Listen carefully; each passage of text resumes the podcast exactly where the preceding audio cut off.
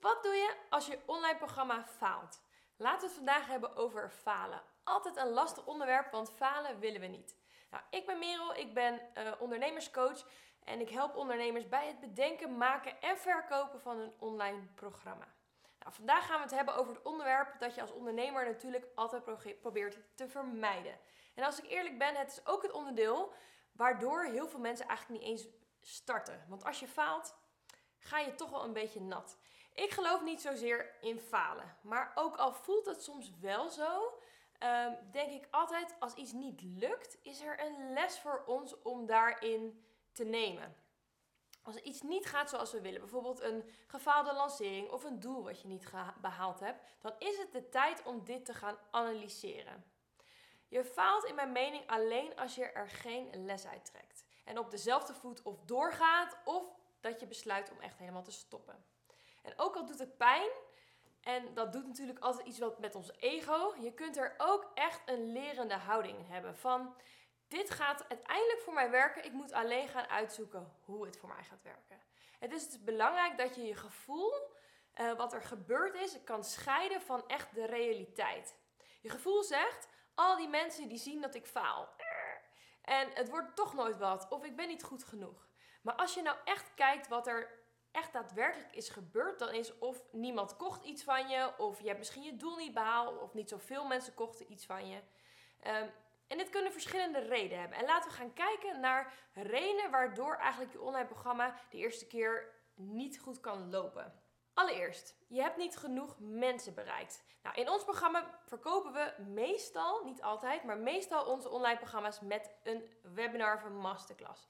En stel dat je maar 50 aanmeldingen hebt en er komen misschien uiteindelijk maar 15 mensen live naar jouw webinar, dan kun je dus niet verwachten dat je 20 plekken gaat verkopen. Er is altijd een percentage van de mensen dat koopt. En vaak is dat tussen de 2 en 5 procent van de mensen die ook echt op die webinar aanwezig zijn.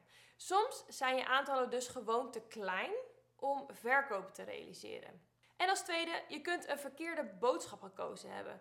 Als jouw online programma verkoopt, dan doe je dit met een soort van marketingboodschap waarvan je denkt en hoopt dat dit aansluit bij je ideale klant.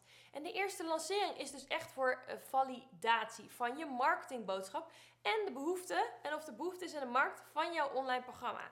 En misschien sluit dit niet zo goed aan. Dan moet je weer eventjes terug naar de tekentafel om erachter te komen wat jouw ideale klant dan wel wil en waar zij wel op aangaat. En ten derde, ben je wel genoeg zichtbaar geweest? Mensen kopen niet omdat ze vaak niet eens weten dat er een aanbod is.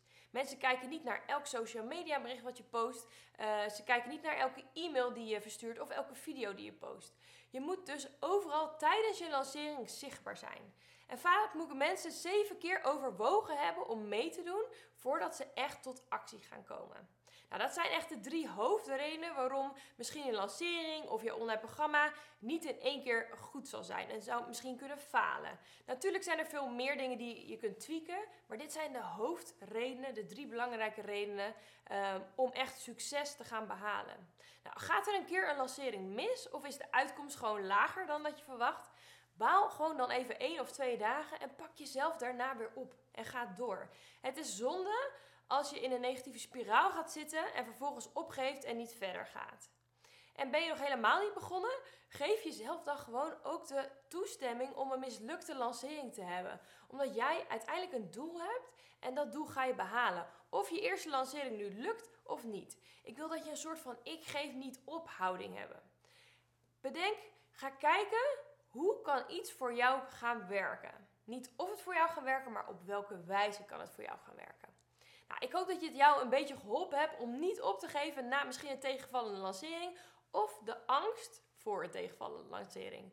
En onthoud, falen is geen falen als je ervan leert.